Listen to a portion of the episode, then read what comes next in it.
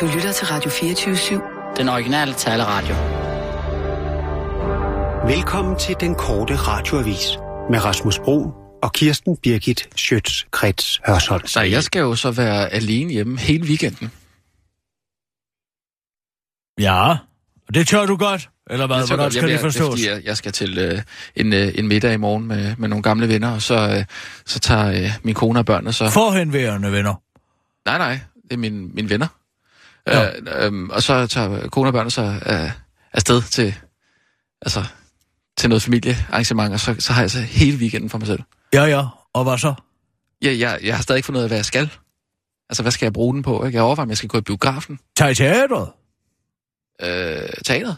Tag i teatret. Ja. Ind og se uh, Romeo og Julia premiere i dag på Grafisk Ballet. Mm, Der skal jeg ind. nå, okay. Jamen, jeg har stadig ikke fået set den nye øh, Leonardo DiCaprio-film der. The Evidence. Ja. Jeg kan godt fortælle dig, hvad det handler om. Nej, det skal du ikke. Lad være. Lad være. Ej, den er så spændende. Nej, det, lad være. Særligt Nej, til nej, sidst, nej. der ved Stop. floden. Jeg vil ikke høre det.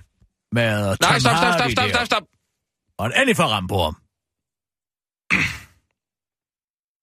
Med hensyn ja. til alt det der, det er utroligt, at BT, de himler sig op om ham der, Michael Koreshi der, der er skrevet. Øh, jeg er sportsjournalist. Øh, Ja, med opfundne navne, og nu trækker de alle mulige artikler tilbage. en Altså, herre. Gud, altså. Herre Gud. Det er sportsjournalistik, det rager der folk en skid, og alle de fjollede navne, de har i forvejen, når man lige finder på et til eller et færre, det kan vel være ligegyldigt, helt ærligt. Og det... Øh, Altså, om det er en, der hedder Van Gaal, eller om det er en, der hedder øh, øh, øh, Bob øh, Pedersen, eller hvad ved jeg, et eller andet. Der er jo ingen, der ved, om de mennesker eksisterer alligevel. jamen, det gør de jo ikke. De eksisterer jo ikke. Nej, men min pointe er, at det hele er jo dybt ligegyldigt. Det er sportsjournalistik, hvor her Jeg tror, der er ret mange, der går op i, i sport. Og så er der en fodboldspiller, og han er derovre, og nu er han solgt herovre. Øh. Tænk, at folk kan gå op i den slags. Det er der mange, der gør. Ja, det er selvfølgelig ikke lige så vigtigt, som det, vi laver og sådan noget. Eller? Nej! Men- Det er ved Gud, det ikke er. Ej, hvor... Og Feberen-forbindelsen, den kommer nu. Ja, det bliver meget godt. Så kan du køre ned og, og hente nogle, øh, nogle billige øl eller eller andet. Det, Jamen, jeg skal kommer jeg jo ikke forbi vandtårnet Sorø, vel? Så kommer Nej. jeg jo ikke forbi det smukke vandtårn. Nej, men vil du ikke hellere bare have den hurtigste tur til... Nej, nej. Jeg Nå. gør en rejse ud af det. Nå, for at se det vandtårn der. Jamen altså. Det kan altså noget, Per Noldis vandtårn. Mm. Det er et helt særligt monument i Danmark. Altså de her Det er bare malet ikke? takkede... Jamen, det er jo hans signatur, der kun er tre farver nærmest. Ja. Ja. Ikke med de her takkede, sådan, uh, volatile vandtårn, ikke? Okay, ja.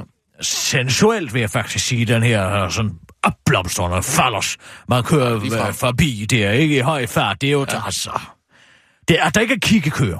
Det forstår jeg ikke. Er der ikke hvad, At der ikke er kiggekøer, når man kommer forbi Sorø, det forstår jeg ikke. Altså, det kan noget helt specielt. Ja. Det er vandtårn. Jeg har aldrig tænkt på det som noget specielt, faktisk. Men den Femern-forbindelse, det er en katastrofe. Det kan jeg godt er en sige. Vi skal ikke være mere landfast med Tyskland, end vi er i forvejen. Jeg har troede godt, du kunne lide Tyskland. Jamen, jeg holder så meget af Tyskland, men jeg kan, holder ikke så meget af det, man ved, der kommer nede fra Tyskland efterhånden. Jeg har sagt, byg en mur Hvad- mod så? Tyskland, og lad tyskerne betale. De sender jo ikke andet end voldtægtsforbrydere, hvad har vi alt op. Og nu er der Nå, endnu en landfast. okay, jeg der, siger, broen over floden Kvej. Der var de alligevel sensible nok til at minere hele Mulevitten, inden at den var færdigbygget, ikke? Og Altså, når det første tog kører over, så skal hele lortet springes i luften. Vi har ikke behov for flere veje og horserne kan komme op. Jeg ved ikke, om det giver mening at bygge en bro for så at springe i Vand luften. er det bedste forsvar. Så har det altid været. Se den spanske armada for eksempel forsøger at indtage øh, altså de britiske øer, ikke? Ja. Kan stikke helt lortet i brand. Men lige så snart du er landfast, kan du ikke gøre noget. Tyskland vadede jo lige ind i Frankrig. Jeg tror det ikke. Altså, nu øh, tror jeg først, den er klar i 2040, eller et eller andet, den bro der, ikke? Så Ja, de kan jo nå at få løst... Det er øh, kun værre.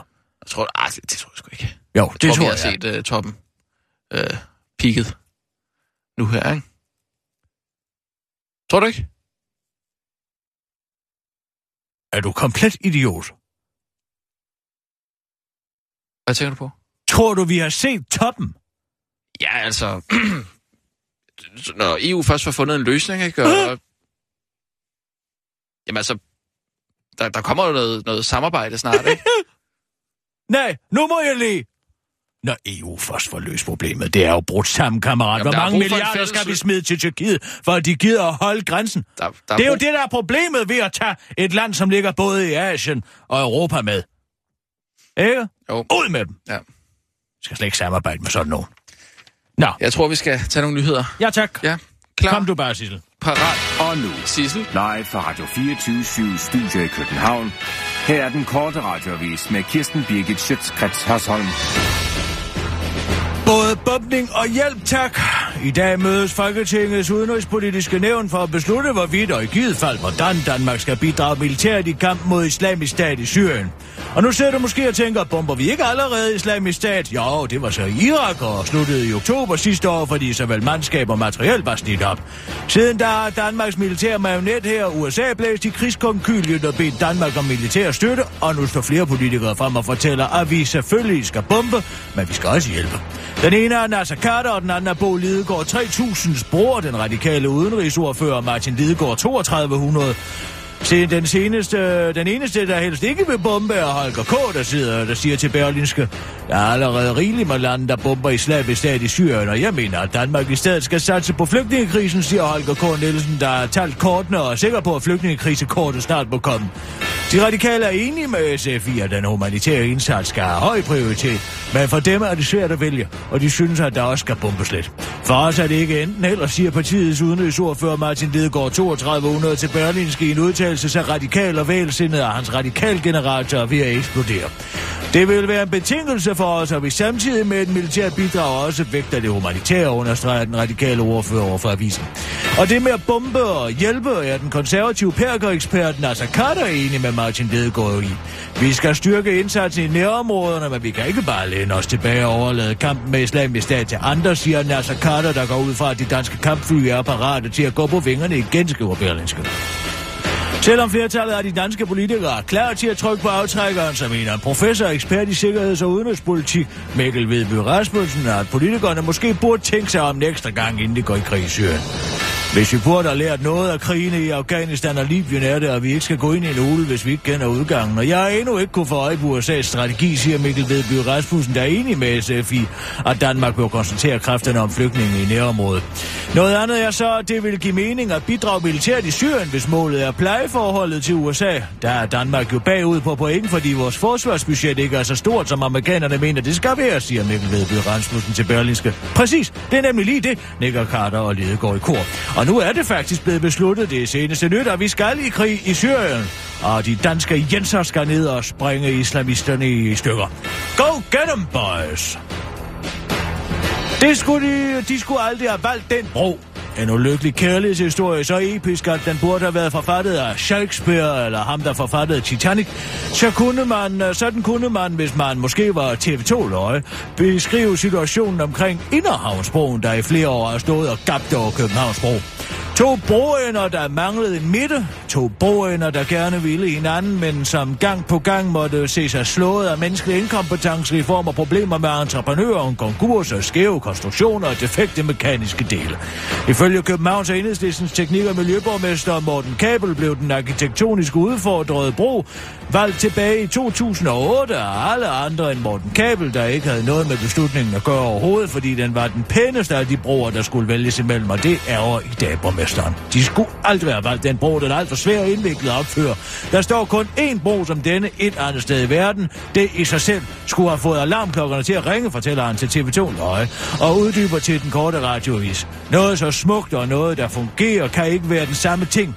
Præcis som savnet om Harry Potter og Lord Voldemort. Den ene kan ikke eksistere, uden at det andet skal dø.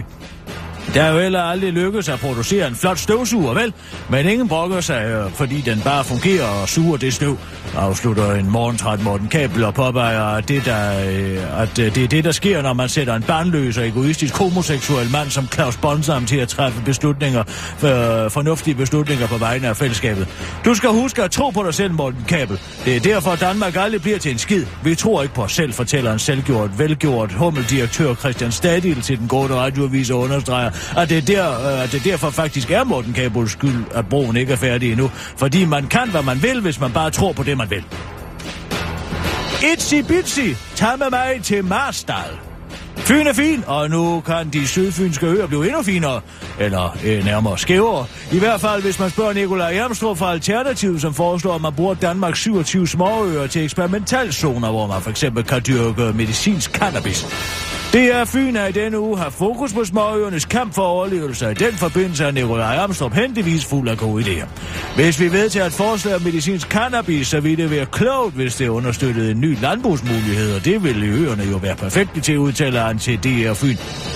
Jeg fik inspirationen efter jeg så det her søndagsbasker Arvingerne, som jo foregår på Fyn, og hvor de dyrker marker fuld af cannabis bare til ræb eller sådan noget. Min yndlingskarakter er klart Jesper Christensen, han er jo billedet på Alternativets kernevælger. Jeg kan ikke stå for, når han trisser rundt i bar røv og spiller musik på myrer, og først boller en ung kvinde, og så en mod en fræk Kirsten lige Lefeldt. Jeg vil øh, nok bare gemme min cannabis et smartere sted, hvis I forstår, siger han øh, til den korte radioavis, mens han i virkeligheden danser det.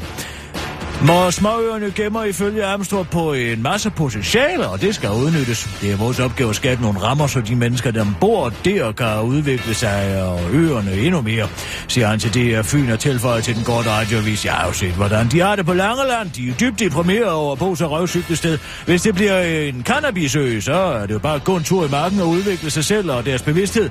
En anden idé fra Amstrup's side er at inddele øerne i eksperimentalzoner. Det kunne for eksempel være en landsby, hvor man handler med en lokal valuta og kun kan købe lokale varer. Om valutaen skal være æggeskaller, eller kropslige ydelser, eller perleplader, eller om øboerne kun skal leve af rapsolie og æblemost, udtaler Amstrup sig ikke om. Det var den korte radioavis med Kirsten Birke Sjøtskas også.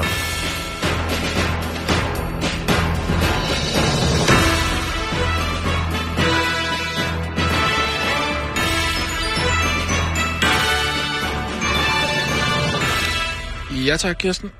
Ja, så skal vi sgu i krig igen. Altså, hvor Ja, er det det er lettere at finde rundt i Europaparlamentets kælder, end i det her Nej, Nej, goddag, Morten. Kom indenfor. Goddag, Kirsten Birgit. God- Goddag, Rasmus. Jo tak, ja. ja goddag. Er det her, der er det der medarbejdermøde? Altså, øh, nu er jeg tosset rundt det seneste kvarter for at finde ud af, hvor Jørgen Ramskov han holder sine informationsmøder. Jeg er jo indbudt, jeg er jo ansat her på Ja. radioen. Men er der så noget møde? Nej, ikke en snus. Det er Hvad mener du? Det er klokken 10, kammerat. Det er altid klokken 10. Ja, ikke klokken 10, jeg stod klokken 12 i den mail, jeg fik. Ah, Så har du fået en anden mail end alle os andre. Kan det passe? Det kan jo ikke passe. Du kommer alt for sent. Jeg kommer, Det er for to timer og kvarter jeg siden, det startede. Ald- Kirsten Birgit, jeg kommer aldrig for sent. Det er muligt, nogen, har der du begynder ligesom Søren Espersen også fuldstændig perfekt timing i alt, hvad du gør, i et omfang, som, og alt, hvad du siger. som de fleste mennesker slet ikke kan definere. Men jeg kan berolige dig, Morten, det, det var ikke noget værd. Nej, nej. Men er det slut? Altså, det, det tog kun fem minutter, og det var bare nogle grafer og sådan noget og sådan noget. Det vil Så ikke det- interessere det- dig. Det får du nok af nede i EU. Det skorter på informationerne på radioen, Altså. Morten, bare fordi man er politiker, så, så, så skal man altså stadig passe sit arbejde her på stationen. Jo, men Rasmus, nu er jeg jo ikke som politiker. Jeg er sådan set som din kollega, og jeg forventer derfor, Det at der- du titulerer mig med samme respekt, som du titulerer andre kollegaer. Og det er derfor, jeg siger, at alle vi andre var her klokken 10. Og det er da mærkeligt, at du kommer triste sådan klokken 12.15. Jeg troede, du var på. Jeg har, jeg har tordnet rundt på de her 17 etager, som bygningen består af, for at finde mødet de seneste nu 17 minutter. Så jeg var her faktisk klokken 12. Ja, men det er da stadig to timer for sent. Ja, men det, er- det er jo en teknikalitet. Nå, Jamen, der er ikke så meget at sige om det møde i øvrigt. Du er kommet for Geus. Nå jamen... Øhm, jeg har jo et bord på Alsace i aften. Er det noget? øh, Jeg har bestilt øh, en frytte mære med hovedvægt på øh, Bellon Østers, øh, Kirsten. Øh, På uh, L'Alsace. ja, øh, ja. Åh, ved du hvad, i aften, øh, 19.30. jeg, jeg, skal faktisk i det kongelige i aften. Jeg er alene hjemme i weekenden. Ja, men har du ikke... Øh, nå, Ja, ja, familien er ude. og du er helt rask og alting. Du er kommet Ja, over ja. din... Ja. Men det må vi lige, lige vende tilbage til. Øhm, men... Øh, Nej, det- jeg kan ikke. Jeg skal i det kongelige, desværre. Min kalender er Jeg vidste slet ikke, spiser, spiser du overhovedet Østers, Rasmus? I, ja, Han har spist altså, ind med mig en alverden gang. skal Jeg du i teateret med? Jeg troede, du og jeg havde en aftale om, at det var os, der gik i det kongelige teater. Jeg, her inviterer jeg. Hvem har inviteret dig i det? Hvad er det? Altså, ja, jeg skal bare i det kongelige et smut med... øh, Alene? Nej, øh, ikke alene, men øh, med en anden Med her, med en herre. I plejer at gå sammen. Ja, vi, vi, vi, har, vi har jo været i øh, teater mange gange om året, du og jeg. Bare inden for den seneste måned. Altså Figaro, Freischütz, Lohengrin, jeg ved ikke hvad. Hvem, hvem øh, fraterniserer du nu med? Det er Peter Lodal, der er inviteret. Skal den flødebolle til Nord, skal han nu tage øh, Altså, Morten, plads? jeg kan da komme i det kongelige masser af gange uden dig, altså med dig for fremtiden også, ikke? Det, er der slet, det skal du da slet ikke tænke på. Tror det du, er bare sådan Lotte en- eller jeg, der tror du, skal det ind og se lidt buffet, ballet. Hvor man så den ene dag kan meske sig i hummer, den næste nu dag så er med det krabbe, og så er det Morten. Du ved da godt, jeg er en fri kvinde. Jeg kan da gå i teateret med hvem jeg vil. Det er ikke det, Kjeld Koplev siger, det vil jeg bare nævne. Nå, han skal nu ikke komme for godt i gang. Og jeg ved godt, at du har en ting for lidt ældre kvinder, uh, Morten. Men altså, jeg kan jo sagtens gå i teateret med dig, uanset øh, for fremtiden. Undskyld, vi tager den lige. Bare bliv, bliv hængende, bliv lige hængende. Nå, det er Obers Viking, der ringer. Men kan man få sushi der på øh, altså, Hallo, det er Kisser. Nej, Nej, men Østers. Ja, det er jo Obers Viking. øh, Goddag, er Obers Viking. ja. vi ud står lige... Ja, lige et øjeblik. ja. Du er på medhør. Øh, Bare bliv... Jeg vil meget gerne have dig med på Alsace i aften, som tingene udvikler sig. Fantastisk, ja. Så kan vi snakke lidt. Måske det- kan vi også ja, gå i operan en gang. Må jeg... Ja, Oberst Viking, goddag. Goddag, Ja, undskyld, det er fordi, vi har en sag kørende med det her uh, sessions logging. Han, oh, kender du uh, Morten Messersmith, Oberst Viking? Jeg har ikke mødt ham personligt, men øh, jeg Goddag, har selvfølgelig stor... Goddag, Morten. Det er Oberst Og- Viking, som var så behjælpelig med at få danskerne til at stemme nej. Jeg ved, du øh, leverede en stor indsats, så må jeg ikke på det danske folkestyres vegne overbringe en tak for, til både dig og så hele den her, der adlyder dig. Jamen, øh, tak for det, og jeg vil også sige, øh, i den grad i lige måde, det var en, øh, en fornøjelse at kæmpe ved din side, og vi øh, vandt jo som forventeligt. Naturligvis. Nå, men det er fordi, vi har en anden sag, Morten. Jeg ved godt, at I fra Dansk Folkeparti ikke rigtig kan mande jer op til at gå imod den, men det er det her sessionslokning. Jamen, det har jeg hørt om. Ja, men jeg ved godt, at nu vil du sige, at du jo ikke er i dansk politik og så videre, så videre. Og du er godt til at sparke dine kolleger derinde lidt i røven. Ja, men Ikke? altså, det ved du I heller er jo det gør. danske folks parti, ikke? Præcis. I skal jo værne om det danske folks retssikkerhed, og de ikke skal føle sig overvåget hver eneste gang, de går rundt om hjørne. Jamen, jeg sender altså hele tiden bemærkningerne fra øh, den korte radiovis til øh, Peter Skåb og Jamen tak, det skal og du blive ved med. Du skal vide, at jeg er i den grad opmærksom på sagen. Det er godt, og du er jo også jurist, så du ved jo farerne ved det her, ikke? Jeg ved godt, at, øh, hvad hedder han, øh, Søren Pind der, han siger, nå jo, man skal jo bruge en dommerkendelse, men lige så snart der springer en bombe herovre på Christiansborg, så kan du tage den dommerkendelse og stikke op i røven, så Man skal kan jo sgu få nok dommerkendelser med tilbagevirkende kraft, Ja, er opmærksom på. det er det, det er præcis det. Men, øh, ja, undskyld. Obers Viking, vi skal have lavet et angreb. Ja, og ved du hvad, nu, når, når vi nu lige har Morten her ved, ved vores side, så kunne jeg faktisk godt tænke mig at stille ham øh, måske endda to spørgsmål. Men til at starte med et spørgsmål. Ja. Øh, nu har han jo en, øh, en mangeårig erfaring i, i, i dansk politik også. Så mit spørgsmål, mit første spørgsmål er jo, hvordan overtaler man bedst Socialdemokraterne øh, til fornuft? Hvordan taler man Socialdemokraterne til fornuft? Altså, en måde kunne jo være, at man rejser et pres fra baglandet. Altså, det kan godt være, at man kan komme i tale med, med folketingsgruppen, men man kunne prøve at henvende sig til nogen i øh, baglandet, altså måske tidligere socialdemokratiske ministre, som ville ytre en kritik. Øh, Måske øh, Poul Nyrup Rasmussen, han har før lagt pres på partiet, eller, eller Frank Jensen, eller andre, som har været... Frank Jensen, han er den sådan dame fra Sør. Ja, selvfølgelig. Nej, men altså, nogen, som har været toneangivende en gang, og så få dem til at lægge, lægge pres på. Eller man kunne prøve at kontakte nogle af de lande, der allerede i dag bruger øh, sessionlogning, og så se, hvilke problemer har der været der, og så få journalister til at skrive øh, om det. Altså, det vil være bare sådan min, min øh, venskabelige øh, rådgivning. Det er da en meget god idé. Altså, Frankrig har jo haft det, og det gik ja. jo ikke så godt. Nej, det kan man sige. Det er i hvert fald ikke afværet de øh, ked- kedelige ting, vi har været vidne til her. Mm, interessant. Jamen, tak for det svar. Det var da, det er et godt forslag, synes jeg. Er der noget, du kan bruge til noget i strategi, strategiplanlægningen, Obers Viking? Ja, fordi jeg synes jo, vi ramte lidt en mur, både med Søren Pind og... Ja, men Søren Pind kan du ikke tale til fornuft. Han er uden for Nej, nej, pædagogisk rækkevidde. Fuldstændig. Fuldstændig. Ja. Øhm, men egentlig, når Morten også er der, så kunne man da godt tænke mig at stille spørgsmål som øh, DF sådan i hvert fald officielt øhm, øh, der skal man sige, fortaler for, at vi skal indføre sessionslokning i, i Danmark. Men øh, hvad, altså, hvordan øh, vægter I ligesom øh, den, skal sige, den personlige frihed for danskerne i forhold til, til den her formodede effekt, som en sessionslokning kan have, øh, for at være bedre til at i stand, øh, i stand, være i stand til at fange kriminelle? Ja, der, og der er det, jeg mm, løber lidt ind i den der mur med, så godt kender jeg ikke sagen. Altså, det er jo altid en konkret vægtning, hver eneste gang, man skal sætte nye øh, initiativer i søen for at bekæmpe terror. Øh, på den ene side individets øh, frihed, og på den anden side øh, øh hensynet til, det, til den kollektive sikkerhed. Øhm, og præcis hvordan man er kommet frem til den konklusion, man er, det ved jeg simpelthen ikke. Øhm, men, men som jeg sagde før, at de bekymringer, som, som øh, I her i den korte radiovis jo rejser, jamen dem sender jeg selvfølgelig videre til dem, der er i mit, øh, mit bagland, så, så man får en, en ordentlig øh, vægtning og vurdering. Vi må, vi må simpelthen give ham et spark om, Peter Skorup. Ja, det er det. Det trænger han sgu til. Det kunne jeres polititop godt have trængt til en gang om morgen, en gang imellem lidt sparkerøven. Men altså, Øh, altså, Morten, men kan, kan du ikke bare sætte dig lidt ind i det så? Eller hvad? Jo, jo, men nu var jeg sådan set på vej til et medarbejdermøde, så jeg er jo ikke lige Nå, sådan... nej, nej, nej, vi mener ikke, du, du skal gøre det nu, men, men altså, jeg går ikke ud fra, at du er for stationslukning.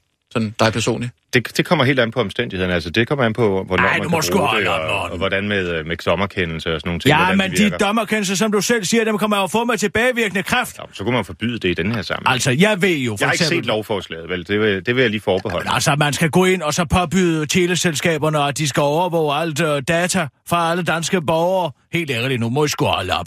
Jeg ved godt, at det er uh, altså, de totalitærs våde drøm, at sådan noget her skal indføres, men det kan jeg simpelthen ikke. Det kunne være, hvis du, hvis du, uh, hvis du lagde noget pres på Dansk Folkeparti, så kunne det være, at vi kunne tage i teateret igen. Så, så hvis jeg gør noget for dig, så kan det være, at du vil overveje at tage imod mine billetter. Det kan der være meget vel være. Så kan vi tage ind og se Ades. Ja, ja. Ades. Hvad er det? Powder her face. Nå, ja. Ja, det ved jeg ikke. Jeg ved ikke. Måske Rasmus ville det være noget for dig. Jeg ved, jeg ved slet ikke, hvad det øh, er, det der. Og det er en moderne opera, som handler om undertrykte seksuelle Er det tanker. kukker? Den er meget Kukker? liderlig. Den er meget liderlig. Er den der kukker? Nej, det er ikke Kuger, det er en Ades og opera. Kuger? Nej. Der er sådan en... Øh, Der er alle mulige der er der perversioner sådan i en den musical. her. Der er der sådan en musical, der hedder Kukker. Jamen, Jamen, det er musical ikke er den. ikke musik. Nej, Nå, det vil Gud det ikke er. Der Nå, kan vi nå. være enige, Det er- Morten. Ja, det er et konsumprodukt. okay. Uh, Obers Viking, vi, uh, ja. vi tager den senere. Læg uh, smed ranker. Lav nogle planer. Ja, det der med baglandet, synes jeg er spændende. Den tager jeg op øh, fra Ja, det er godt, og det er godt, det er godt fif. Prøv Rit. Rit, for hun det. er altid... Nå, jeg øh, tager Rit. Ja. Ja, ja. Men ligger hun ikke på hospitalet? Nej, hun, er, hun kunne altså også være med at gå og have med ind til Powder Face. Hun har jo også nogle seksuelle... Jeg går fandme Øh. ikke i, i, øh, i ser en seksuel opera med Rit Bjergård. Ja, det gør jeg ikke. Er du bange for den kvindelige seksualitet? Ingenlunde. Nej, altså den kan altså godt få frit spil. Og det må jeg sige, jeg har tit haft, hvad det hedder, en rynket pande, når jeg tænkt på et bjergård. Men hele den her med at, at lægge monogamien og på, hylden. klods, Ja. det, det må jeg sige, det respekterer jeg indenfor. Det kan jeg godt lide. En kvinde, som uh, går ud og siger, her er jeg, og tager mig, hvis I vil have mig, og det vil I godt, ikke? Måske skulle I sammen gå ind og se Powder Her Face. Så kunne I Og sidde der lad nu være med at være fornærmet, Eller med Peter. Lodal, hva'? Nej, Jo, jo. lad nu være, Peter jeg kender dig Så drikker du hinanden vel også godt. på gonje med ham, og jeg ved ikke hvad. Hvad skal I bagefter? Vi får faktisk en god italiensk vin. Det findes ikke. Asti, det er sikkert det, han byder dig. Nej! Jo, Ej, hvor det er du grov over for ham. Det synes jeg simpelthen er så groft. At sige om Peter Lode, at han drikker asti. Aldrig i livet. Yes. Hvad? Hvis jeg siger, at, han, at du har sagt det, så bliver han så ked af det. Mm, Jamen, så, altså, der er ikke så ked af det, som det føles at blive værfet til side her, både som gastronomisk og kunstnerisk øh, ledsager. Altså, jeg skal slet ikke noget i weekenden. Nej, men vi har en aftale. Fedt. Det er godt. Ved du hvad, vil du ikke høre hele ringen? Jeg så finder jeg ud af, hvor i verden den går, så flyver vi derhen. Det tager 18 timer, det er en hel week. Det er jo da fint.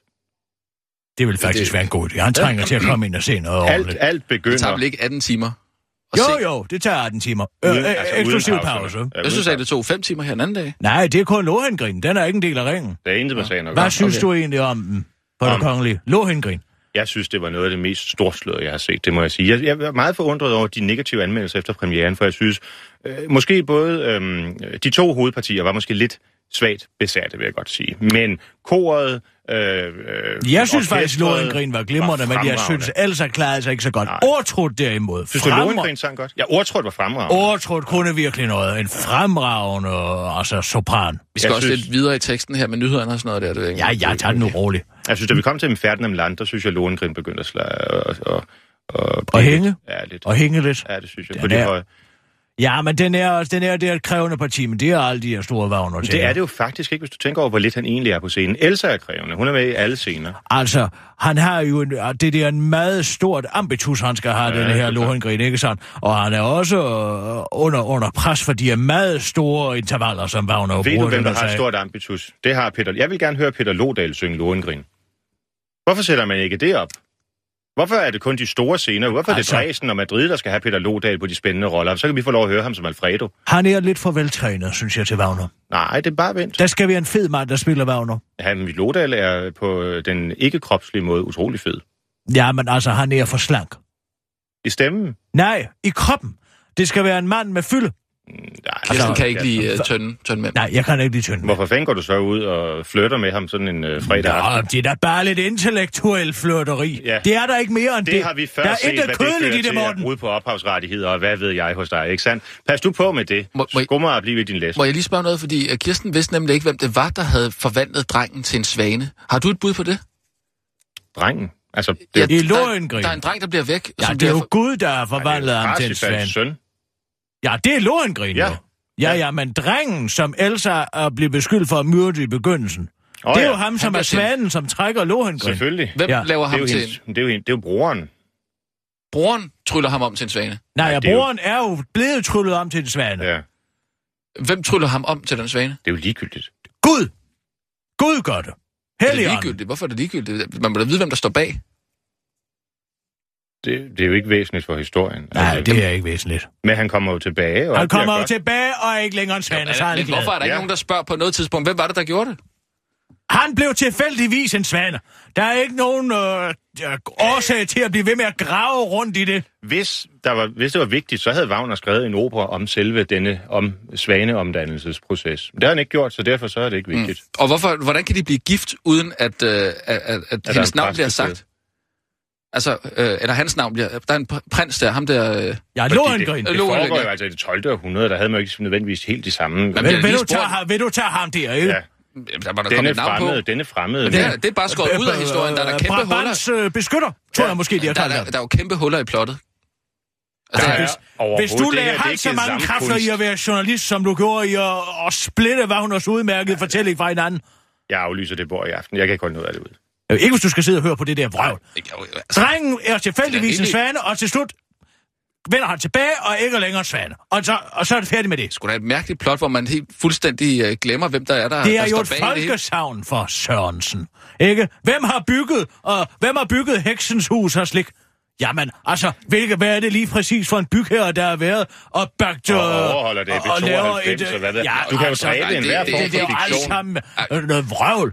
Det er ikke lige så ødelæggende for plottet, hvem der har øh, bygget heksens øh, hus og slik. Det har hun vel selv. Hun er en heks, hun kan vel trylle. Jamen, så er det Jamen, altså det, det bliver da ikke der nævnt har- det eksplicit. Det kan da lige så godt være nogle, øh, øh, nogle øh, østeuropæiske fer, som øh, arbejder under øh, altså til overkalde priser. Ikke? Wagner har jo skrevet De Feen.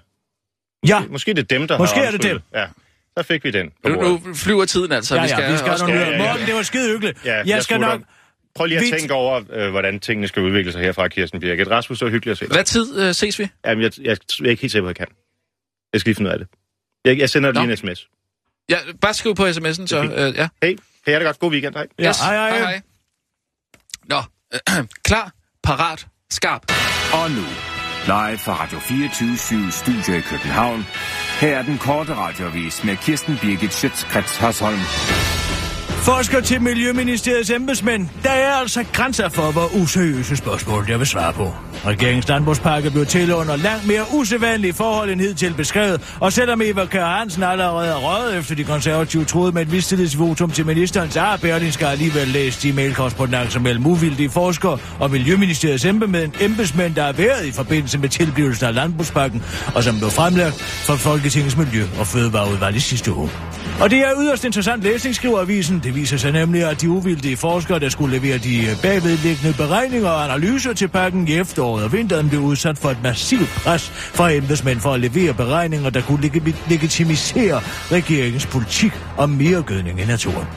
Jeg har aldrig før oplevet at blive udsat for sådan et pres fra embedsværket i forbindelse med udførelsen af et opgave for en offentlig myndighed, siger Karen Timmermann, seniorforsker ved Aarhus Universitet, der især regnet på, hvor meget mere kvælstof havmiljøet kan tåle til Berlingske.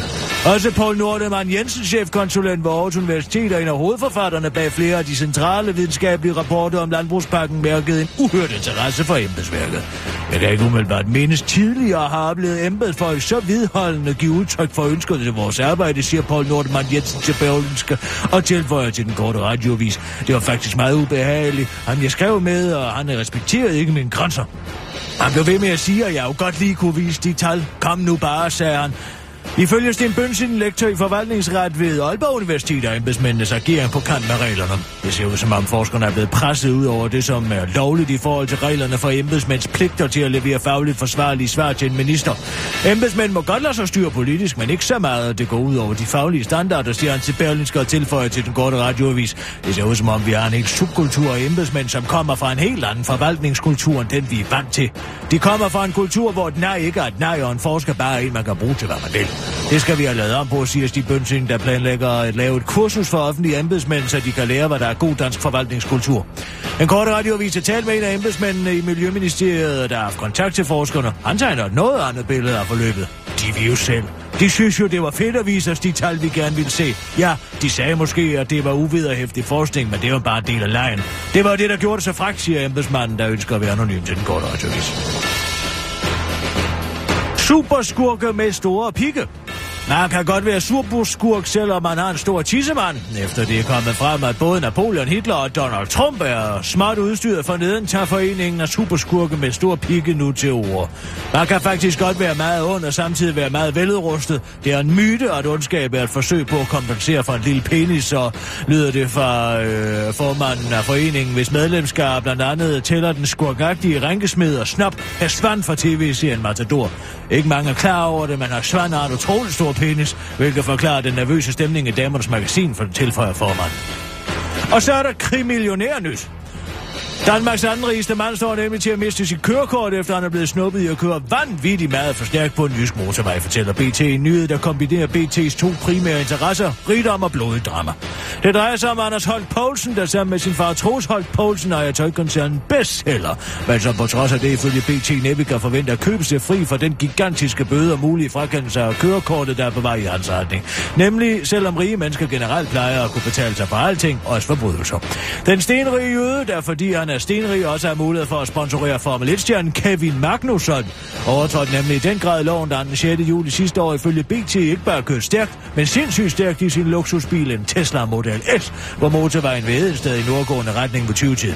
Ifølge BT var han måske på vej fra et besøg hos sin far, der bor i Gyllingnes gods ved Odder, til sit eget hjem hergården Konstantinsborg, der ligger ved Aarhus, men ingen ved det. Den eneste BT ved er, at Anders Holt Poulsen kørte, over, kørte 212 km i timen på en strækning, hvor normale mennesker kun må køre 130 km i timen, altså mere end 60 procent for stærkt.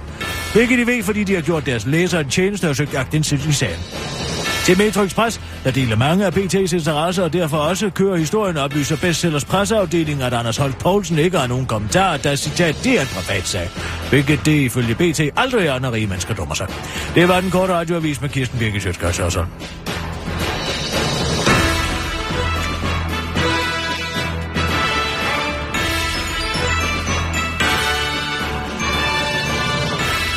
Ja tak, Kirsten. Nå, Jeg skulle Så er de noget, først- ikke kan være til tiden, ikke? han er da set forkert. Jamen, hvorfor kan han ikke bare sige det? De kan jo aldrig indrømme en fejl. Nej, det kan de altså. Har du nogensinde sagt, hørt et politiker sige, Nej. undskyld, der lavede jeg Men en nu var han jo ikke jeg som hader politiker. Folk, han, der var jo, kan, han var jo som undskylde. medarbejder. Som medarbejder kan man jo godt lige sige, åh, jeg har set forkert i mailen. Ja, men på den anden side af mødet var jo også, også komplet ligegyldigt. Men Det var jo- får jo aldrig noget at vide på de der møder alligevel. Der er nogle tal på en skærm, Ja. ikke? Jo. Nu er det 33, står der som. Hvad betyder det? Ja. Det får aldrig at vide. Altså, det er også det, jeg siger til Jørgen. Er det pære eller bananer, ikke? Ja. Man kan ikke bare lave en graf uden at vise, hvad grafen dækker over. Men det er bare sådan noget, det går godt. Og det bliver ved med at gå godt, og, og vi håber, det kommer til at gå godt. Ja, det er sgu ligesom at være til aktionærmøde i OV Bunker. Ja. Der er kommet sigtelser i den sag. Det bliver spændende at se, hvad der sker. Ja, hvordan er det? Øh, den er sådan lidt Ja, svær. de ikke? har fået, bagmandspolitiet har rejst nogle sigtelser. Man ved stadig ikke, om direktøren Jan Pedersen bliver sigtet, men altså ham, som har været direktør for deres underselskab i Malaysia, Lars, øh, hvad fanden hedder han? Lars Møller, tror jeg, han hedder. Mm. Han er altså blevet sigtet nu, og så måske også Kimi Go, For hvad? fra, hvad det hedder, fra uh, Dynamic uh, Oil Trading Ja, i men sigtet, Malaysia. sigtet for hvad? Sigtet for hvad? Ja. Sigtet for svindel. Er det I svindel, OV simpelthen? Bunker. Nå, okay. Hvor mange er de, der er blevet, der er blevet sigtet? Ja, indtil videre er det kun to, men man ved ikke rigtigt om ham der, Jan Pedersen, som er det øverste chef i Danmark, også er blevet, er blevet øh, sigtet. Mm. Det er meget interessant sag, må man sige. Altså meget interessant. Det er meget forvirrende, ikke? Den er faktisk ikke så forvirrende, hvis man bare sætter sig lidt ind i det. Men det har du sikkert ikke gjort. Nej, altså, altså, det, det, hvis du gerne vil vide det, så sig til. Så skal jeg nok forklare dig det, men jeg gider ikke, ikke hører efter. Fordi jeg forklarer Nej, jeg den vil her gerne- jeg sag højre og venstre. Hver ene, der spørger Ulla ringer, hvad går det egentlig ud på? Så forklarer jeg det. Så når hun prøver at gengive det, så har hun ikke forstået et skid af det hele. Nej. Og det er altså ikke raketvidenskab, som man siger. Nå, okay. Nå, men altså, Øh. hvis det er lige et stykke papir måske, Altså, og så kan man sidde Samuel og tegne nogle... ringer hele tiden. Hvad er det nu, og hvad, hvem bliver sigtet nu, Kirsten Ja. Birgit? Jeg siger, jamen altså, det er jo deres malaysiske datterselskab. Jamen, så tag den fra toppen en gang. Jeg vil, vil faktisk gerne vide det. Tilbage i gamle dage, Mhm. der var der et, et firma, som var ejet en, der hedder Ove Vrist.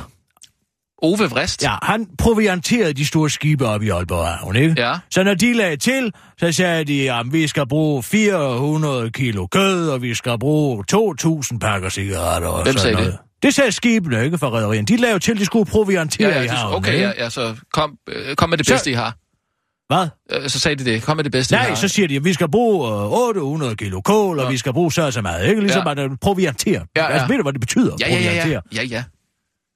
Fint. Så kørte han altså rundt på havnen der, og lossede op i de her store skibe, ja. og så sejlede de videre. Det var det, han, han ikke sagde ved simpelthen, ikke? Okay.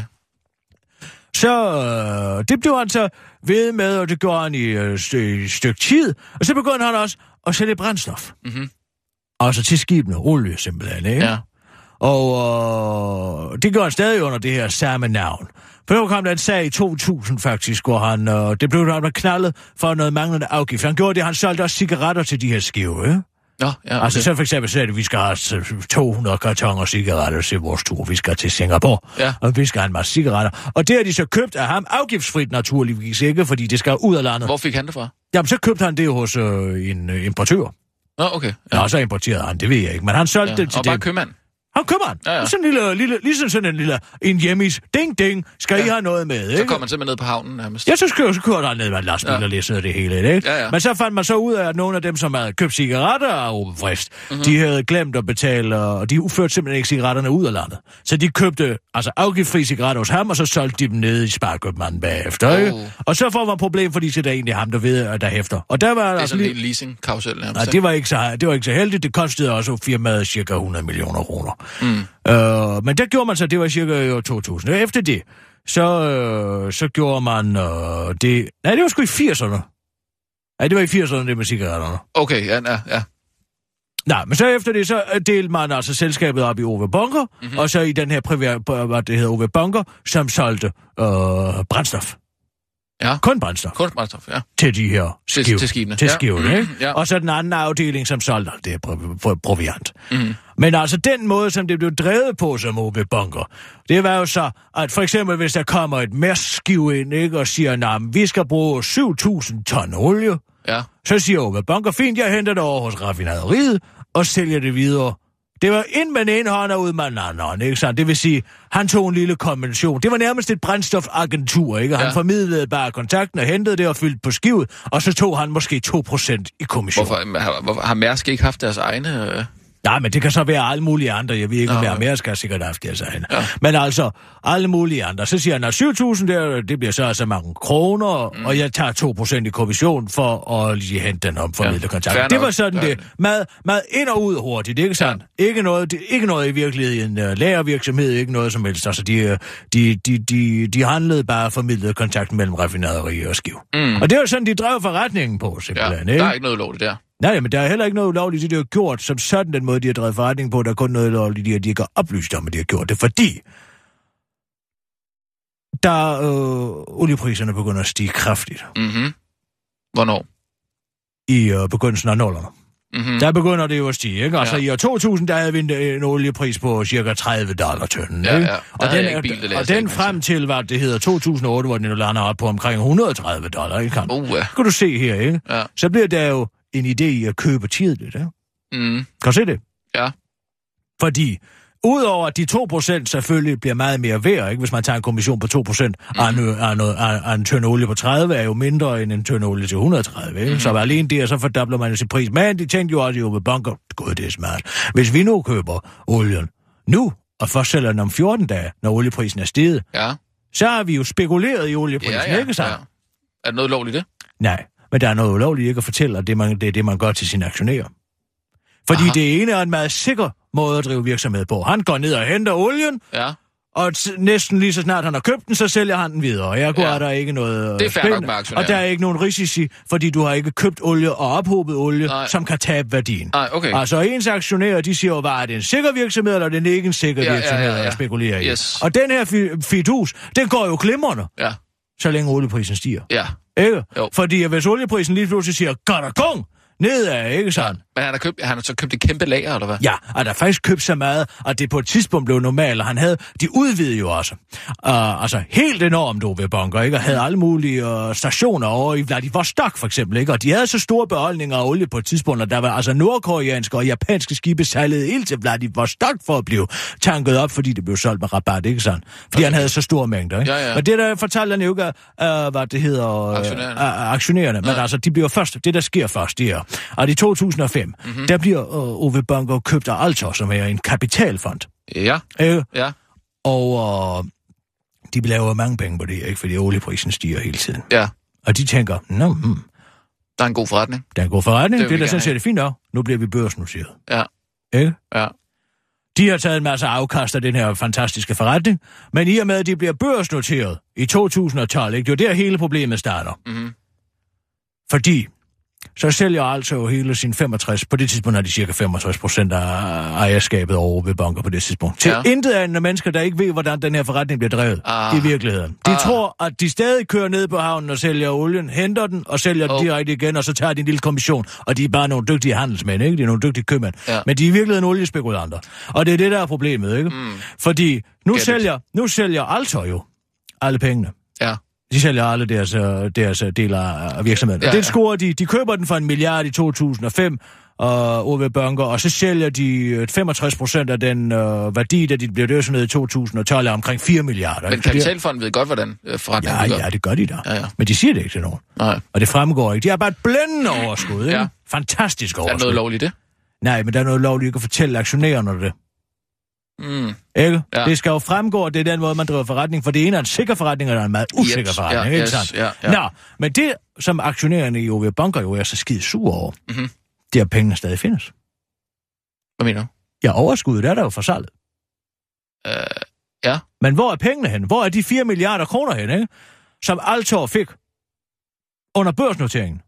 det, det ved jeg ikke. De er væk. De er væk. De er ingen steder at finde. Et eller andet sted må de være. Altså, ja, præcis. Men det er præcis ligesom rockerne gør, ikke? Altså, du kan være sikker på, at hver eneste gang, der er blevet begået en økonomisk forbrydelse, det eneste, du ikke kan finde, det er pengene. Ja. Pengene er væk. Rockerne, de ved ikke, hvor det er. De vil sgu hellere sidde i fængsel i syv år, hvis de har, altså, Ja, hvis de kan hvis de komme har ud til- kommet ud til 15 millioner Ja, ja, ja. ligger gravet ned i et eller Ja, andet ja. ikke sandt? Det er jo en udmærket årsløn. Ja.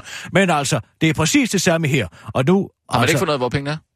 de bliver jo hele tiden trukket længere og længere ud i systemet. For hvem ejer Altor? Pas.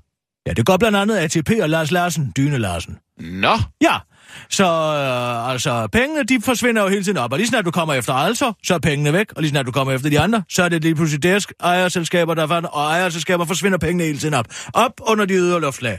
Ikke sandt? Det er derfor, aktionærerne er så skide sure, ikke? For de siger jo godt, at de har købt aktier på et falsk grundlag. De siger, vi vil sgu have vores penge tilbage. Men hvor er penge? De er væk. follow the money.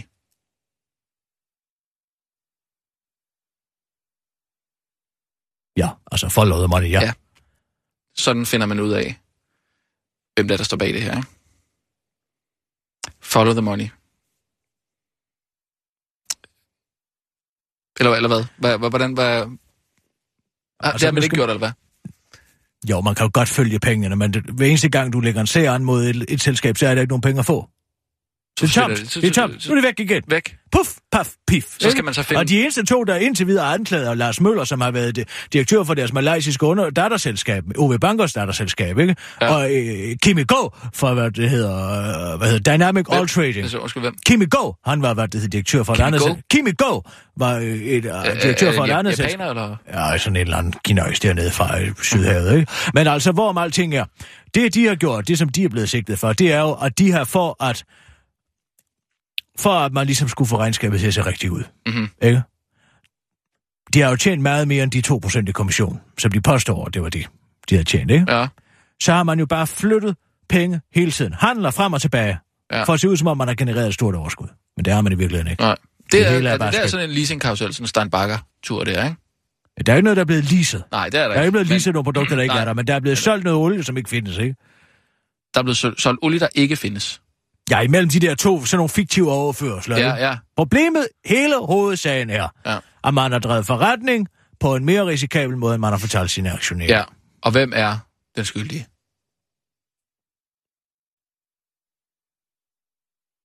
Det er interessenter. Ja, altså folk, folk, som har skjult det her. Ikke? Men er det, er det Ja, Lars blandt Larsen? andet Jan? Pedersen, for eksempel. Lars Jamen, Larsen? ja, Lars Larsen er lukreret på det i hvert fald, ikke? Uh-huh. Men han er ikke... Jeg ved ikke, om det er ham, der har fundet på det. Men altså, der er jo altid ejere. Der er jo Ja. altid ejere længere og længere, længere Ja. tilbage. Du kan jo se, hvordan alle de amerikanske organisationer er bygget op. Der er altid ejere, ejere, ejere op og rundt omkring, ikke? Mm. Og pengene, Hundredvis af man ved ikke, hvor pengene er. Pengene, de er bare sådan... Ja, de står på et eller andet sted, ikke? Men det bliver ved Ja. med at rykke længere og længere væk i træet, ikke? og det er 4 milliarder, der drejer sig om. Ja, det er, øh, altså, det, det er mere end 4 milliarder, men 65 procent af de 4 milliarder, som altid har ejet, det er 65 procent af hele OV Bank, og det blev solgt for 6 milliarder måske. Okay. Det er sådan det. Ja, det er bare mærkeligt, den hedder OV Bunker-sagen så, ikke? Den, den kunne hedde meget.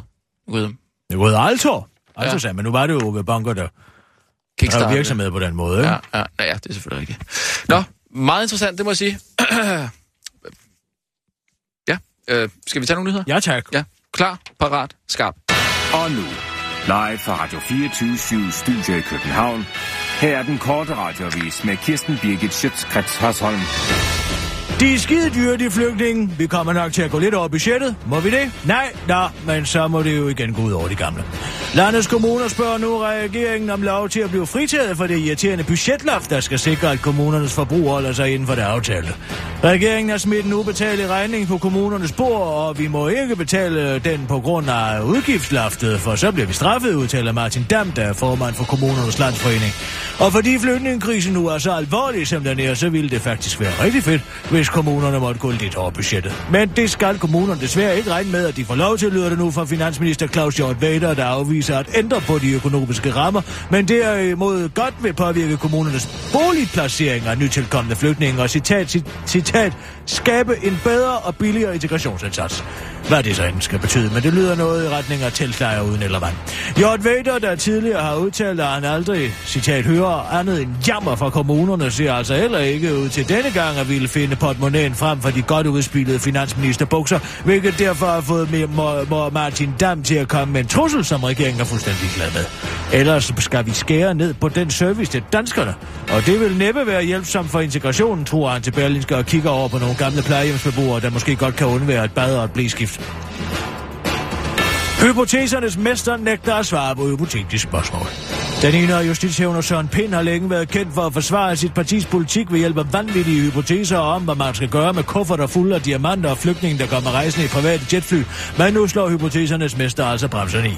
Den ene af justitshævner nægter nemlig at svare på hypotetiske spørgsmål om det amerikanske regeringsfly, der landede i Københavns Lufthavn i sommeren 2013, rent faktisk havde til formål at transportere whistleblower Edward Snowden til USA.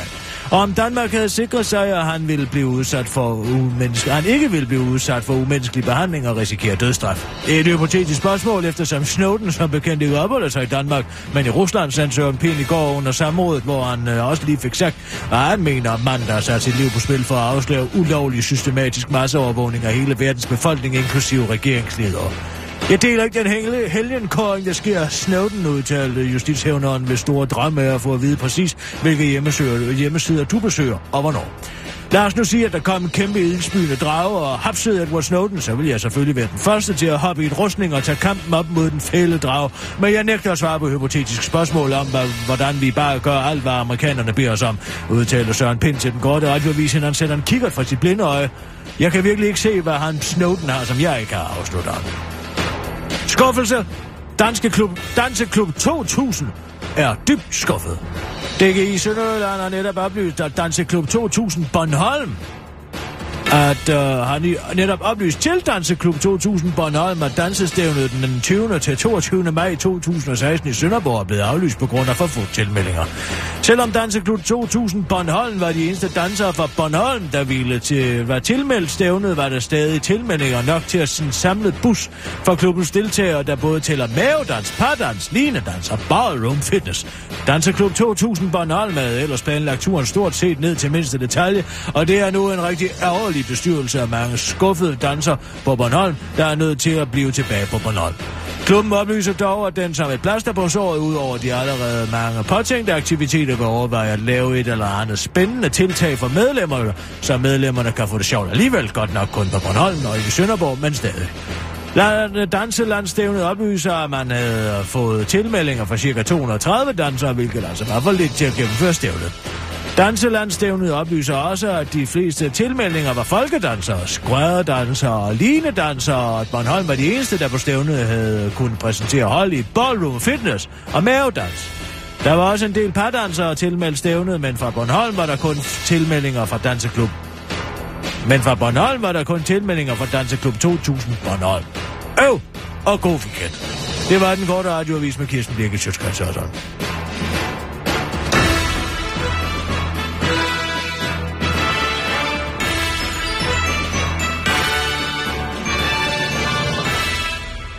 Ja, tak. Jeg har faktisk en lille hamplantage over på Birkedø. Så det. Ja. Kom sådan en... Øh... Men du ryger der ikke? Nej, ja altså. Jeg har prøvet det, men altså, det virker slet ikke på mig. Jeg kan tage det ene pift efter det andet, eller hvad man kalder det. Ja. Ja, sådan et... Øh... Ja, et pift. Altså sådan en hedder det, ikke? Væs, det siger, jeg tror, de siger. øh, Væs, måske. Nej, jeg tror, de siger... Hey! Vil du have et pift? Eh? Ah, nej. Tag lige et pift af den her. Ja, tag lige en, en uh, lunge eller et andet måske. En lunge? Ja.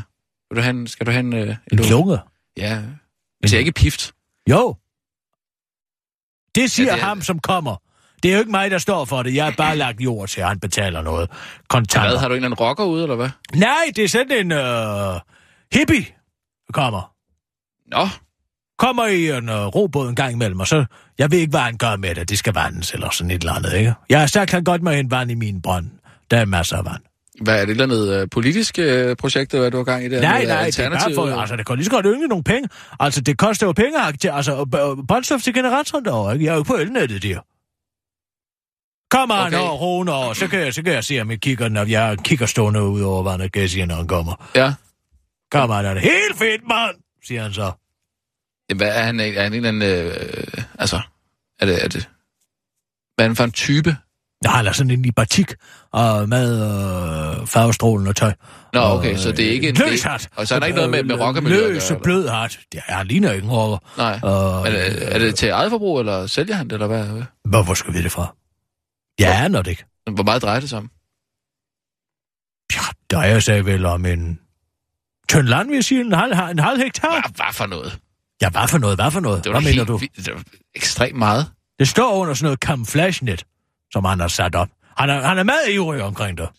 Det skal der lige... Det jeg tror der pokker. Er du sikker på, at det er en god idé? Hvorfor? Ja, altså hvad hvis politiet ligesom får... Politiet kommer.